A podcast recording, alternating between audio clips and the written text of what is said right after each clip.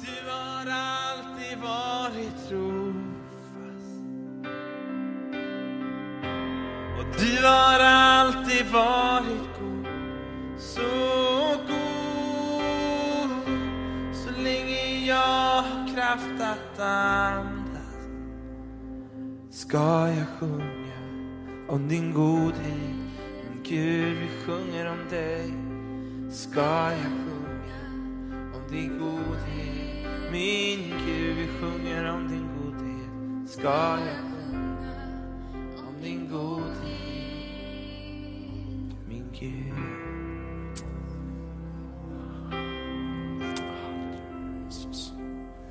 Halleluja Jesus. Tack att du är så god. Tack att du är så god Jesus. Vi bara prisar dig, vi bara ärar dig Jesus.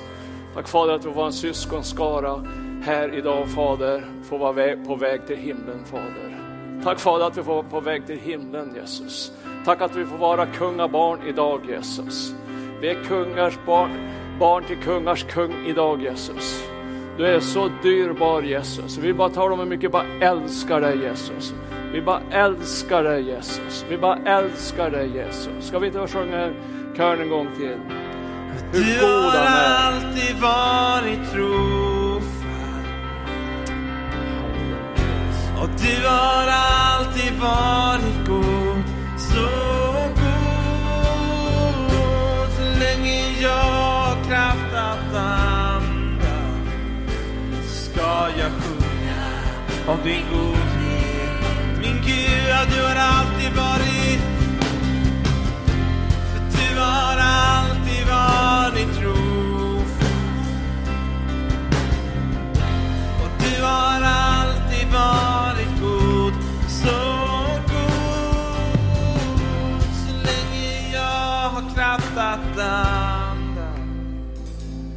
ska jag sjunga om din godhet, min Gud. En gång till Elia. Gud är god. Vi ska bara prisa Gud. Vi ska bara tacka honom varje dag. Glöm inte att tacka Gud för han är god emot dig. Din godhet ska följa mig. Din godhet ska följa mig. Ska följa efter Din godhet ska följa mig, ska följa efter mig. Om i allt, om i allt jag är, om i allt jag har. Mitt liv ska ära dig också. Din godhet ska följa mig, ska följa efter mig.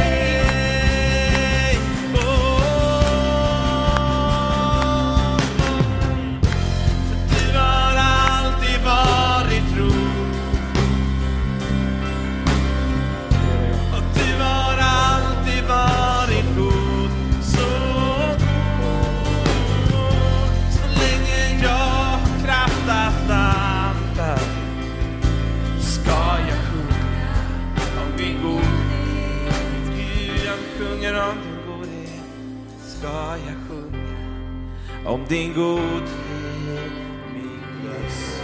Halleluja. Halleluja. Halleluja Jesus. Halleluja Jesus. Vår kung, vår, min pappa, vår far är värd en större applåd här.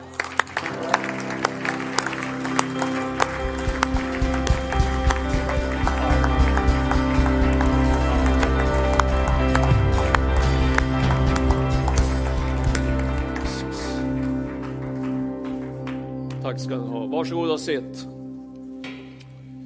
Jag tycker att ju äldre man blir, ju mer tacksam blir man att man är frälst. Ju mer tacksam till Jesus. Vet du, Jesus, hans namn är över alla andra namn. Vi ska bara proklamera ut Jesu namn idag. Vi ska tala mycket om Jesus idag. Det är, han är i centrum idag här. Och eh, Jesus han är över allting annat. Han är över din sjuka kropp. Jesus är över din familj. Vi ska programmera Jesus över våra familjer. Och han sitter på tronen idag. Vet du att Jesus sitter på tronen idag, han manar gott för dig. Vet du att jag vet vad jag tror för någonting? Jag tror att Jesus kommer snart tillbaks. Jag tror Jesus kommer snart tillbaks. Jesus är på väg tillbaks. Jag tror han förbereder att han ska komma hem, komma och hämta oss. Vilken dag det ska bli när min Jesus jag får se. När för hans fot jag faller ner. Han som döden för mig led. Vilken dag det ska bli. Då han tar min hand och leder mig in i löfteslandet. Vilken dag det ska bli. Det kommer att bli en fantastisk dag. Men redan nu ska vi börja prisa honom för det. Vet du att det står att då du, kom till himlen, då du kommer till himlen, vet du vad du ska göra? Du ska, du ska stå inför tronen och prisa Gud. Du ska inte sitta. Det står inte. Du ska sitta inför tronen och prisa Gud. Så därför så tror jag det är bra att vi tränar oss här och stå och prisa Gud. För att du ska stå och prisa Gud länge och väl.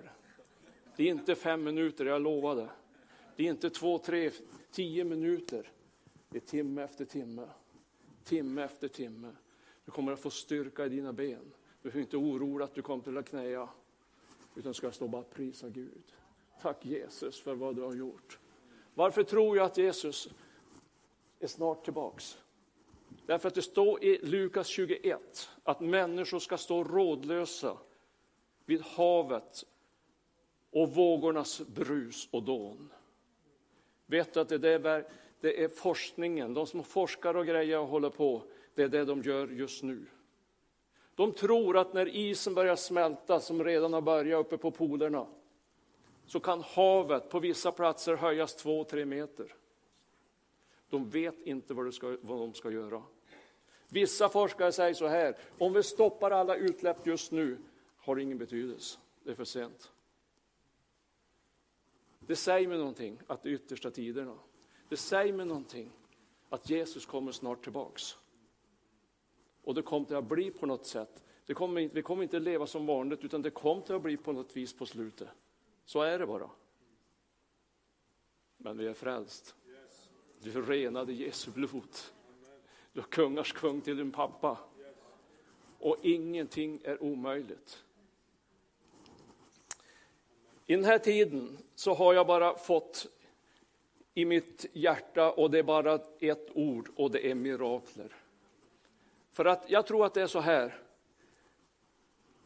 att om det skulle, ska bli en jättestor väckelse så tror jag mirakler har en stor betydelse. Du som var här i söndags, kommer du ihåg de vittnesbörden, tre vittnesbörden från bibelskoleeleven som var här?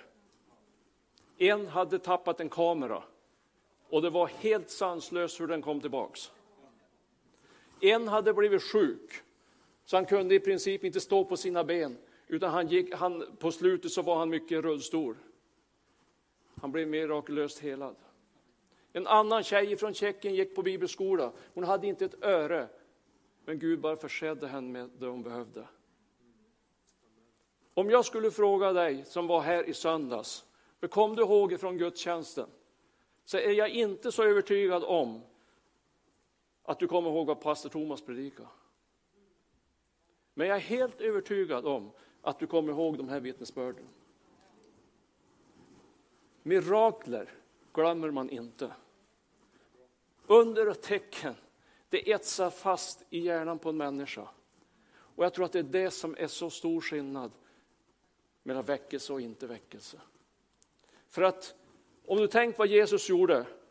Han gick omkring, han gjorde under och tecken och mirakler. Vad resulterade det i? Han hade så mycket folk som följde honom, så ibland så fick han hoppa i båten och, och fly på andra sidan sjön, för att de höll på nästan tramp ner. Under och tecken och mirakler. Jag tror det är en viktig point. Men vi ska inte förringa bibelundervisningen, vi ska inte förringa någonting annat. Allt har sin uppgift, allt har sin plats. Men jag tror under och tecken och mirakler har sin plats. Och eh, tänk inte så här, jag har bett så mycket. Det har inte hänt någonting. Så att Gud verkar precis som han inte vill hela mig. Kanske du har en liten skavank, kanske du har en liten eh, hälsporre eller du kanske har någon lite grann ont i ett finger och tänker att ah, det här är så lite så det är inte värt att, att nästan be för. Dum tanke, säger jag. För att gå till Gud med allt så ska du få se att det händer saker och ting när du börjar lita på honom. Och när hon, han får äran. Och jag skulle bara säga så här, du som har kanske dratt med något problem länge, bli inte sur på Gud. Det står i Jeremia 31 och 3. Med evig kärlek har jag älskat dig. Därför förbliver min nåd över dig.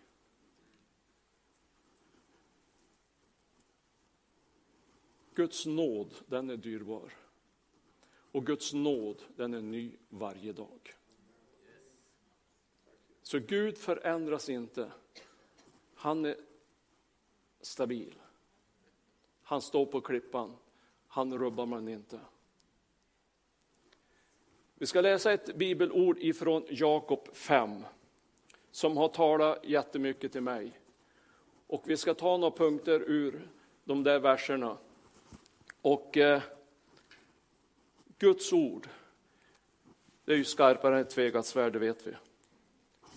Det står i Jeremia 23 och 29, Guds ord, det är som en slägga som krossar klippan. Jag ska inte förringa vad Guds ord är, men vad Guds ord säger, det kan vi stå på, det kan vi lita på. Det behöver du inte tvivla på att det inte gäller just dig. Ibland då man ut, kommer i problem och så här, då tänker man, ja det gäller de andra, ja de, Gud verkar bry sig om dem. Han kanske inte tycker om mig. Vet du att det är bara en fiende som försöker lura dig. Med evig kärlek har jag älskat dig. Därför förbliver min nåd över dig. Det spelar ingen roll vilka omständigheter du är. Det spelar ingen roll hur du känner dig. Du känner om att Gud, du, du är 50 tusen mil ifrån mig, spelar ingen roll. Guds ord är sant. Guds ord är skarpare än ett tvegat svärd. Det förändras inte. Med evig kärlek har jag älskat dig. Därför förblir min nåd över dig. Vi ska läsa några verser i Jakob 5, 14 till 16. Är det någon bland er sjuk skall han kalla på församlingens äldste och det ska be över honom och Herrens namn smörja honom med olja. Trons bön skall bota den sjuke och Herren ska resa upp honom. Och har han begått synder skall han få förlåtelse för dem. Bekänn alltså era synder för varandra och be för varandra så att ni blir botade. Mycket mäktig och verksam är en rättfärdig människas bön.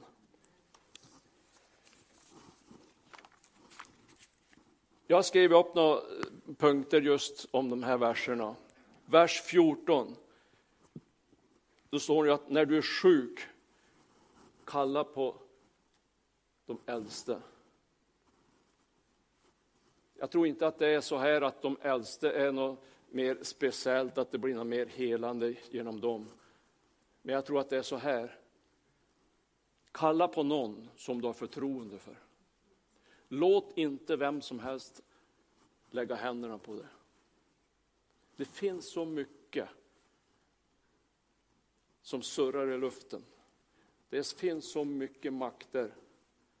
Så att du ska, då du står så här att du ska kalla på en äldste, jag tror att det handlar om att kalla på någon som du har förtroende för.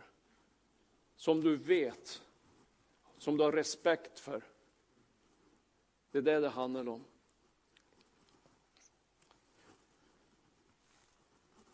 Sen står det så här, att du ska smörja dem med olja. Be över honom och Herrens namn, smörja honom med olja. Oljan kan man få frågor många gånger, vad duger det till? Vad blir det bort det? Jag brukar säga så här, i oljan finns ingen läkedom. Det finns ingen, helande kraft i själva oljan. Va? Men det är en lydnadshandling. Det är en lydnadshandling. Gud, du har sagt ditt ord, smörj dig med olja. Jag smörjer med olja, jag gör det jag ska göra, då får du göra resten. Jag tror det är det det handlar om. Och det är ett, ett, eh, det är liksom ett, ett, ett bevis på att jag överlämnar den här personen i Jesu händer. Jesus, du får fortsätta. Du får ta hand om den här. Du får göra miraklet. Men jag, jag smörjer med olja på din befallning. Och det står på många ställen i Bibeln att lärjungarna smorde många med olja och många blev helade. Det finns en smörjelse, det finns en, en smörjelse över att smörja med olja. För att det är Guds ord, det är Gud som säger. Står det sedan i vers 15. Vi ska be i tro. Det är viktigt att vi har en ande av tro. Trons ande som inte tvivlar utan säger att allt är möjligt. Jag tror att det där är någonting att be i tro. Jag tror det är någonting som vi måste bara, bara be Gud om att Gud, ge mig en ande av tro. Det här har jag, har jag fått av dig Gud och Gud jag vill förvalta det här. Jag vill förvalta vad du har lagt i våra händer. Att vi ska be för de sjuka, att vi ska lägga händerna på de sjuka, att vi ska smörja dem med olja. Det är ett förvaltarskap. Och för att det ska funka så tror jag att man måste be Gud om en trons ande. En trons ande som säger att ingenting är omöjligt. Allt är möjligt för den som tror. Och då tänker man så här, ja, men hur får jag tro? Jag har ju så lite tro, det blir ju liksom ingenting. Jag tror ju knappt att jag är frälst. Tron får man genom predikan. Tron får man genom att vara i Guds ord. Trons ande får man inte på internet. Trons ande är ingenting du kan köpa dig. Trons ande är ingenting som bara drabbar över dig. Trons ande kommer genom predikan. Genom att höra Guds ord, att vara i Guds ord. Det är trons ande. Som, och kan du bara, kan man liksom bara fokusera på det, skärpa sig liksom och bara inte bara fladdra ut, ut eh, och bara tro att det kom själv automatiskt. För det gör det inte. Men trons ande är fullt tillgänglig för var och en som tror. Det är vara i Guds ord, det är höra predikan. För det är genom Guds ord du får trons ande. Och jag tror att det där är någonting som måste bara komma över hela Sverige. Över hela kristenheten. En trons ande, inte uppgivighetens ande, utan trons ande. Att Gud kan göra mycket, mycket, mycket mer än vad du och jag kan tänka oss.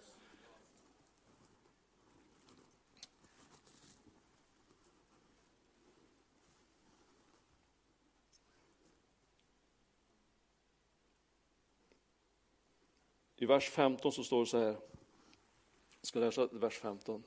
Trons bön skall bota den sjuke och Herren skall resa upp honom. Och har han begått synder skall han få förlåtelse för dem. Jag tror förlåtelse, det är ett laddat ord. Förlåtelse, det är viktigare än vad vi tror. Det finns läkedom i ordet förlåtelse. Tänk bara på Josef. Han som hade det så besvärligt när han satt i brunn. Har du tänkt på när han satt i brunn? Vad tror du han tänkte? När de kastade ner sin egen bror i en brunn och lämnade han där. Och tanken var att han skulle dö där. Men det fanns en broder som hade lite mjukare hjärta. Så att till slut så var han övertalad om han drog upp honom och sålde honom som slav. Nästan inte något mycket bättre att hamna nere i Egypten som slav. Men har du tänkt på vilket läkedom för Josef det var när han förlät sina bröder? Tänk vilken revansch han fick Tänk om han hade gjort så här. Nu ska de få igen. Nu är det deras tur. Nu du, Har de varit så dum mot mig så då, då, då, kan jag, då, då har jag fullt rätt. Jag har ju rätten på min sida. Jag har ju inte gjort någonting och hamna här. Så det är bara rätt att de får tillbaka det de hade gjort. Men han gjorde inte det. Han hade ett förlåtande sinnelag. Och det blev till revansch för bröderna och det blev till revansch för han. För han fick se sin far. Hade han inte gjort det så hade han aldrig fått träffa sin far igen. Han, kan, han har ju haft makt att kasta dem i fängelse egentligen, aldrig, hela bunten i Egypten. Han var ju högt uppsatt. Men han hade ett förlåtande sinnelag. Och det fanns läkedom i ordet förlåt.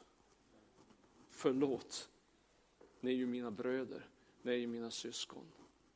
Kanske någon har gjort någonting emot dig och du går och väntar på den ska komma och be dig om förlåtelse.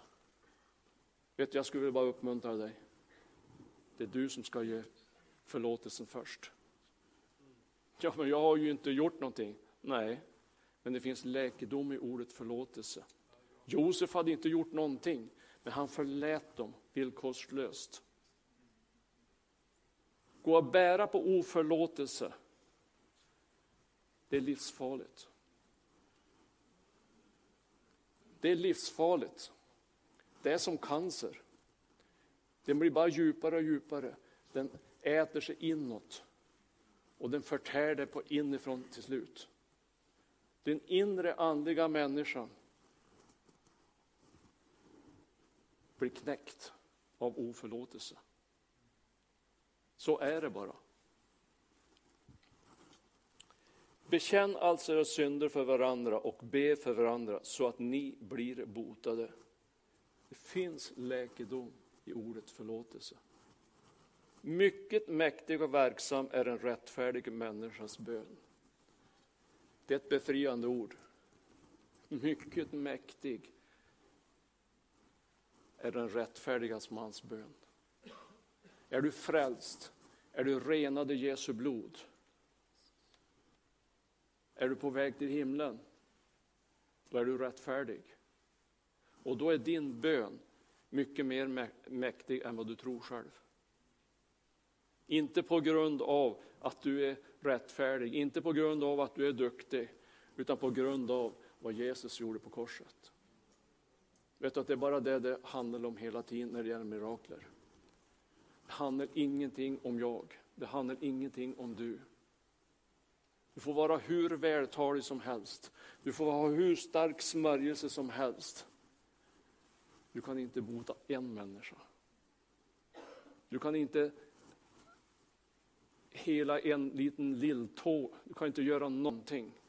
Det är bara på grund av vad Jesus gjorde på korset. Samma ande som uppväckte Jesus från de döda bor i dig. Tänk på det. Samma ande som uppväckte Jesus från de döda bor i dig.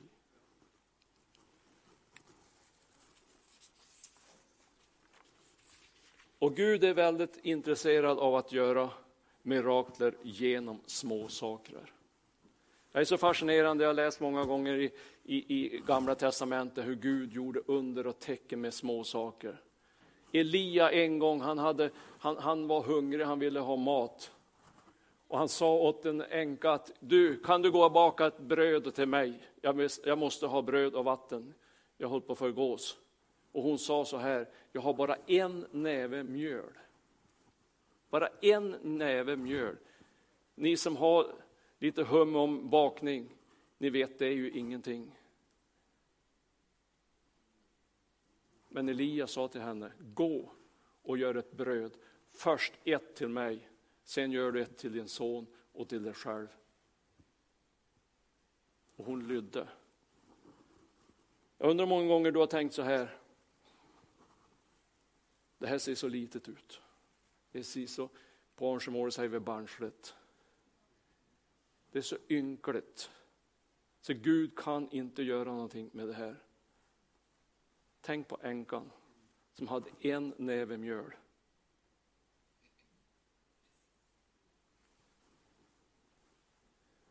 När de skulle mätta 5000 män då? Hur fånigt som helst. Två fiskar och var det tre bröd, det var fem bröd. Fem bröd.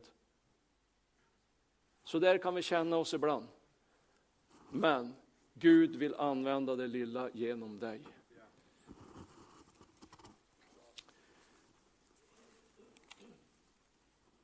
Gud vill att du ska gå på vattnet.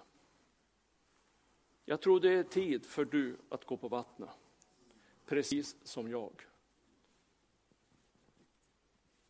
Vet, jag kan ärligt säga så här. Jag har gått på vattnet många gånger. Ja, som ni vet allihopa så har jag rest en hel del. Och jag kan säga att jag har gått på vattnet många gånger. Men jag har aldrig drunknat. Jag har aldrig drunknat. Det har varit nära, men jag har aldrig drunknat. Det handlar om att våga lita på vad Gud säger. Och jag tror att det är så här.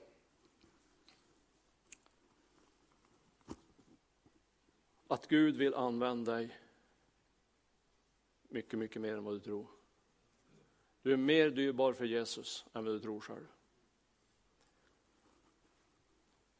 Och då säger så här, men hur ska vi få se mer mirakler? Hur ska vi få se att folk blir frälst i Sverige? Jag tror att det finns bara en väg att gå. Be mer för sjuka. Be mer för sjuka. Det är inte några få pastorer som ska göra det. De hinner inte. De har inte en chans. De ska vara överallt på möten, vet du. De hinner inte be för folk överallt. Det måste du och jag göra. Och eh, jag skulle vilja utmana dig lite idag. Jag tog hit en massa bönedukar. Och eh, jag skulle vilja att om du behöver en böneduk ska du få en böneduk, absolut. Men har du någon i din närhet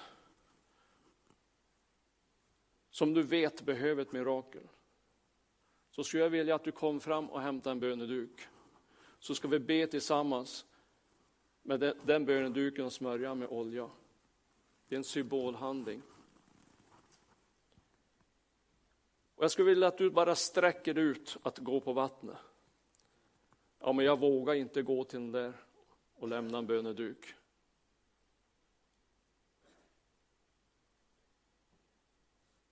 Jag har tänkt så där många gånger. Om jag vågar. Det är ju egentligen så dumt som det går att få nu. Vågar jag hjälpa en annan människa? Har du tänkt på det?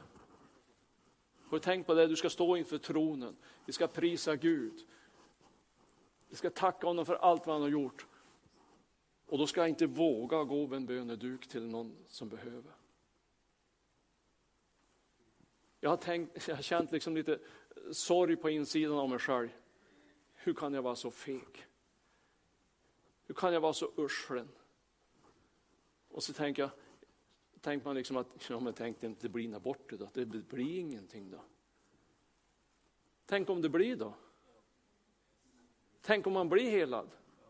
Tänk om man blir upprättad? Som här killen som stod här i söndags. Han som kunde börja gå. Tänk om det blir så då? Tänk vilken vinning för Sverige om du la en böneduk på en som var förlamad som kunde stå upp. Ja, men det kan jag inte. Nej, du kan det inte. Men Jesus kan. Jesus kan. För han är stor. Han är mäktig. Hans namn är över alla andra namn. Hans namn kan ingen människa på jorden rubba. Den är så, det, är så, det är sån makt i den, i namnet Jesus. Och det där är någonting som vi måste anamma, måste fatta och förstå mycket, mycket mer. Gud, sänd mig. Kanske du ska sända till grannen. Kanske du ska till Afrika. Vad vet jag? Jag tänkte på den här killen som var här. Jag undrar hur många gånger han hade varit fram till förbön innan han blev helad. Och när pastorn i Korskyrkan bad för han, då sa han så här. jag kan inte stå.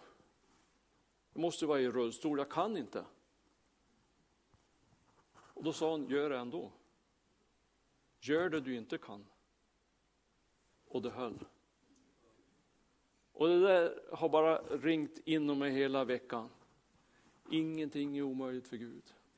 Ingenting är omöjligt för Gud.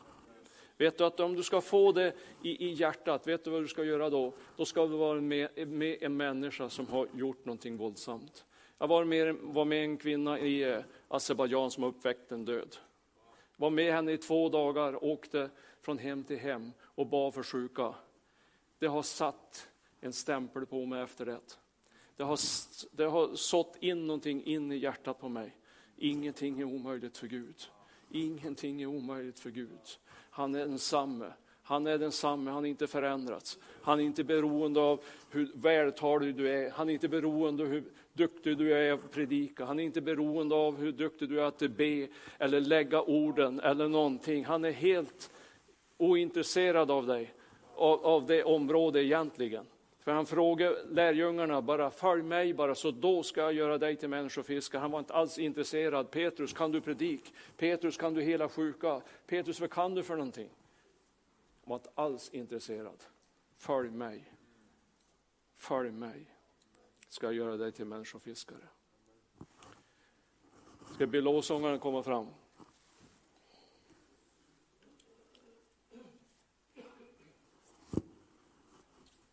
Ni sjöng en fantastisk sång. Jag ska erkänna en sak, att den har jag hört, jag vet inte tusen gånger, men Promise Keeper. Waymaker. Löfteshållaren, Promise Keeper. Han som håller sina löften. Han som verkar när du inte ser det. Han som verkar i ditt liv när du inte känner det. Skulle skulle vilja att skulle skulle bara möjlighet att sjunga den. Den är en fantastisk sång. Waymaker. Han som kan göra en väg för dig. Han är här. Jesus är här. Jag vet att han är här. För det står i hans ord, där två eller tre är samlade i hans namn, där är han. Du behöver inte tvivla på det. Ska vi stå på våra fötter? Och så ska vi bara gå in i den här lovsången. Och så ska vi bara börja och, och prisa Gud. Vill du ha förbön så är du jättevarmt välkommen. Vill du bli smord med olja ska du få bli smord med olja. Vill du ha en böneduk som du ska ta med dig ska du få en böneduk. Ska vi be att trons ande bara kommer över varje böneduk. Att en ande av tro ska bara få planteras in ibland oss. Så att en ande av tro ska komma in i mitt hjärta. Jag behöver mer tro på att Gud kan göra under och tecken. Att Gud kan förvandla Sverige. Att Gud kan förvandla Övik. Ingenting är omöjligt. Men du och jag tror jag måste ta ett steg. Du och jag måste hoppa över båtkanten. Det är livsfarligt att sitta i båten för länge. För att då blir du stel, då blir du sträv. Då kan du inte hoppa över kanten. Men Gud vill att du ska hoppa över kanten idag och bara ta ett nytt steg. Så välkommen fram. Jag har två oljeflaskor. Det är fler som ska hjälpas åt om du vill. You are here. You're moving in our midst. I worship you, I worship. I worship you, yes, you are. You are here, you're working, in this place. I worship you, yes, I worship. I worship you, yes, you are, you are. You are here. You're moving in our midst. I worship you, I worship you. I worship you.